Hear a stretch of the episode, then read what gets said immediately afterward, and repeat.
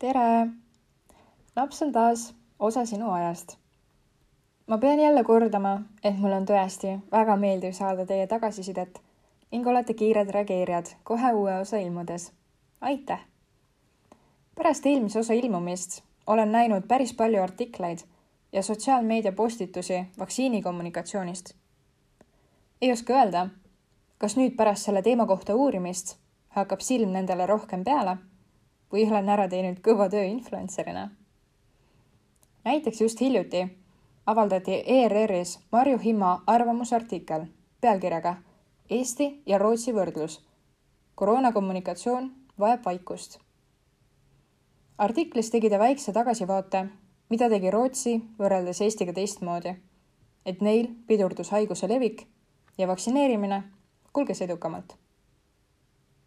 ta tõi välja, et Rootsi vaktsiinikommunikatsioonis on sõnumid selged ja lühikesed.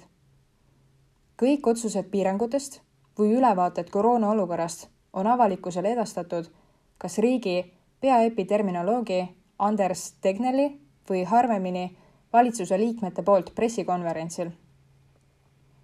ehk kõneleb see piiratud ring inimesi, kes kriisi lahendamist juhib.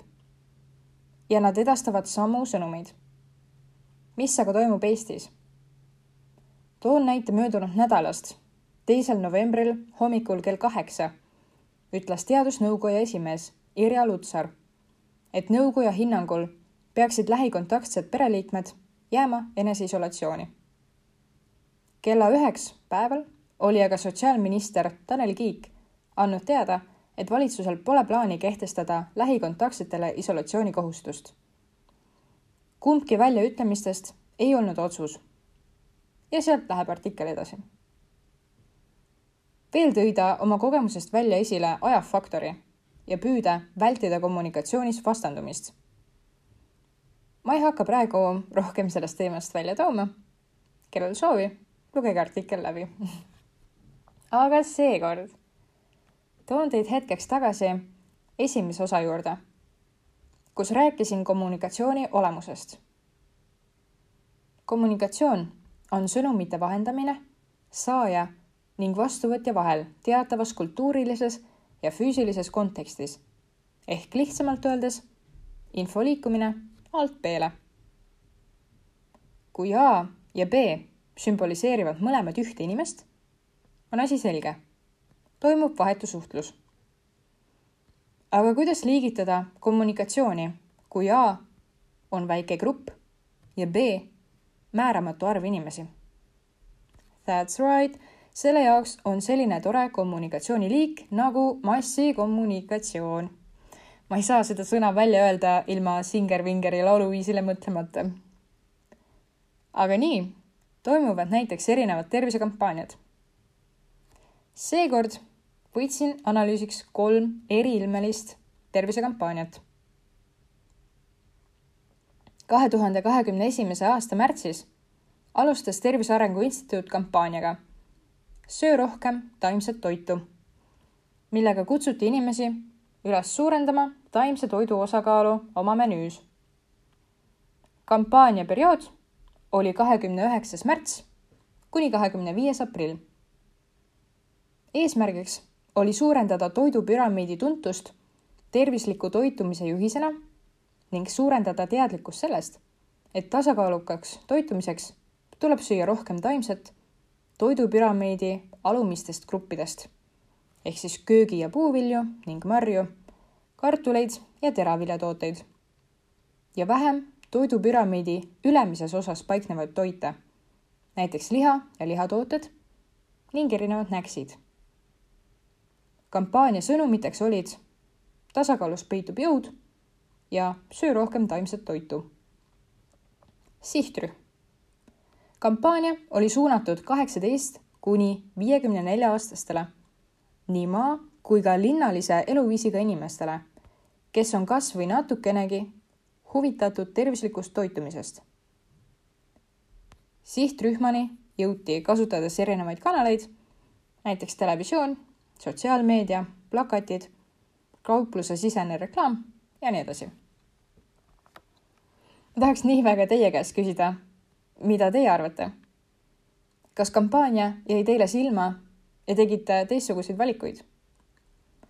minu tähelepanu see võitis ning tean, et siiani on kampaania Söö rohkem taimset toitu plakatid tänavapildis nähtavad. Ma ise erialaga seonduvalt jälgin erinevates sotsiaalmeediakanalites Tervise Arengu Instituuti ning raske on nende kampaaniaid mitte märgata. arvan, et toidupüramiid on eestlastele nüüd juba tuntuks saanud. kuid kas selle järgi toitutakse, on teine asi.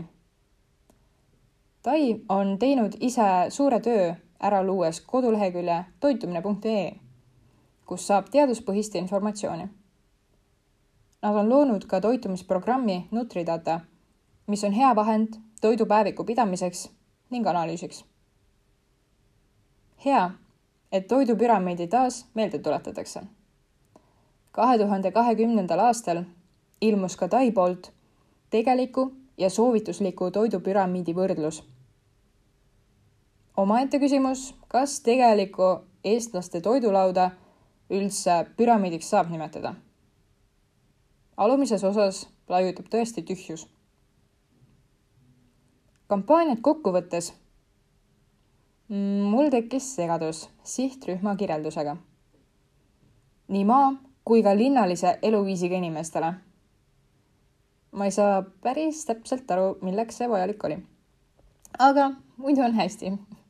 reklaami oli piisavalt erinevatest kanalitest ja ma arvan, et see jõudis sihtrühmani.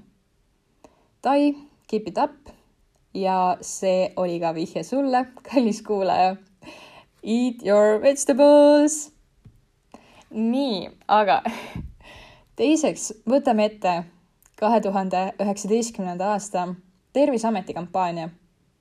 tervis pole naljaasi, millega sooviti tõsta inimeste teadlikkust ebaraviga seotud terviseohtudest ning rõhutada teaduspõhise tervishoiu eeliseid. tahame meelde tuletada, et Eesti tervishoid on kvaliteetne ja usaldusväärne ning et tervisemurega tuleb alati pöörduda arsti poole, ütles Põhja regionaalosakonna juhataja Ester Ööpik. õpiku sõnade kohaselt on oluline, et inimesed suudaksid iseseisvalt vahet teha tõenduspõhisel tervishoiul ja ebaravil, sest ebaravi pakutakse sageli väga atraktiivsel ja esmapilgul usaldusväärsel moel.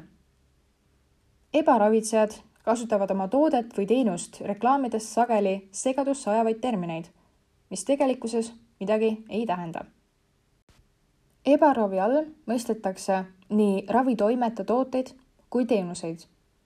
kuigi ebaravi ise või selle käigus inimestele pakutav preparaat ei pruugi alati otseselt tervist kahjustada võib raske tervisemure korral tõenduspõhise tervishoiu hülgamine ja ebaravi eelistamine lõppeda kas väga raske tervisekahjustuse või surmaga. sellega seoses tuleb mul meelde just salvestamise ajal siis eile ilmunud artikkel pealkirjaga kuidas muuta kaks eurot viiekümneks euroks Kristi Timmeri moodi. lisa alusele peegel ning kirjuta käsitsi kiri, millele tuli sama päeva õhtuks vastuartikkel meediakajastuses pettunud Kristi Timmer astub süüdistustele vastu. kogu minu e-poes müüdav on käsitöö.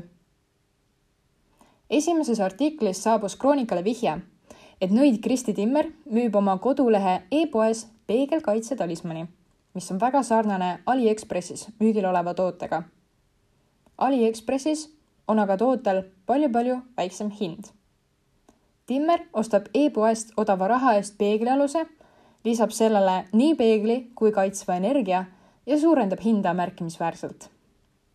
Kristi siis vastas, et seda toodet valmistada, selleks tuleb kasutada peeglilõikurit. see on päris peen aparaat. selle juurde kuulub ka tarkvara ja teadmised selle kasutamiseks, mis ei ole tasuta. peeglimaterjal, lihvimispaber ja liim. iga peegel tuleb eraldi käsitsi lihvida, sobituma panna vastavale alusele aluseid ma paraku ise teha ei oska. sellist annet mul kahjuks ei ole. aga sellele te ei mõtle. Te otsite klikke ja seda läbi laimu saaks aga skandaali ja seda kedagi mustata maha teha. klikid müüte maha reklaami ostjale ehk teenite tulu valekuvandite müümisest. kuidas te öösel magate sellise südametunnistusega? tegin siis mina veidi uurimistööd. Võiks ka teha reaalset lõputöö teema kohta, aga hetkel tundus see teema intrigeerivam.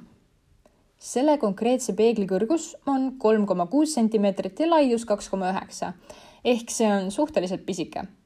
palju te hinnaks pakute? pisike peegel koos kirjaga koos saatmiskuluga maksab see viiskümmend kaheksa koma kolmkümmend neli eurot ja erinevaid peegleid ning küünlaid on e-poes müügil teisigi. aga miks siis inimest äh, peaks just see peegel huvitama? ma loen tooteinfo. mis on kõige tugevam kaitsja? loomulikult peegel kui viibid negatiivses keskkonnas või ümbritsevad sind inimesed, kes ei suhtu sinusse kõige paremini, siis vajad sa kaitset. nii halva sõna kui pahatahtliku käitumise vastu. On mõeldud naistele. kaasa saad personaalse juhendi, kuidas talismann enda kasuks tööle panna.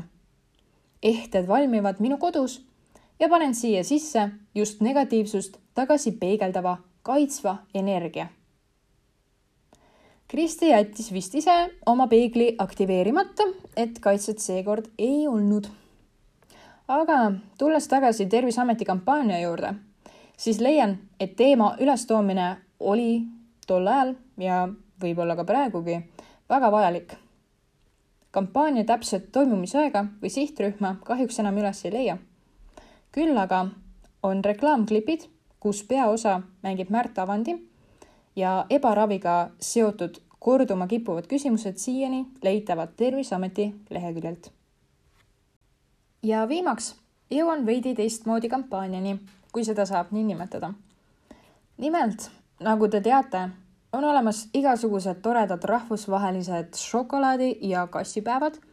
nii on ka olemas tervisetähtpäevad, kus pööratakse sel päeval rohkem rõhku mõnele haigusele, riskigrupile ja nii edasi novembris tähistatakse näiteks rahvusvahelist malaariapäeva, radioloogiapäeva, diabeedipäeva ning neid on veel.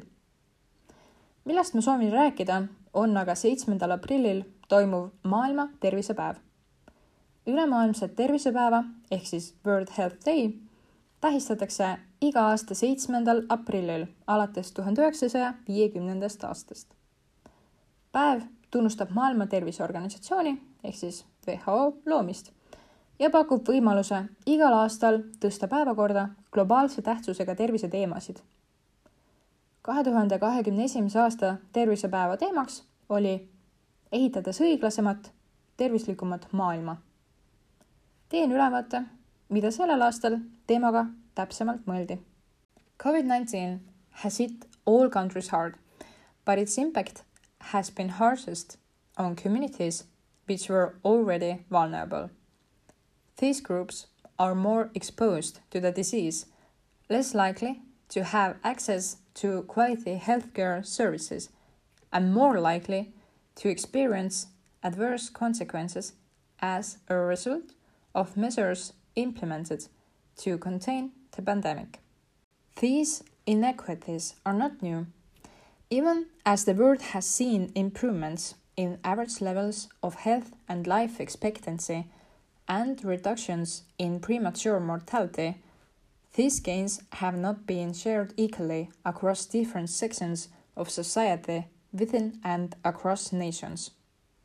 Differences are also observed at every age from the early years to the end of life.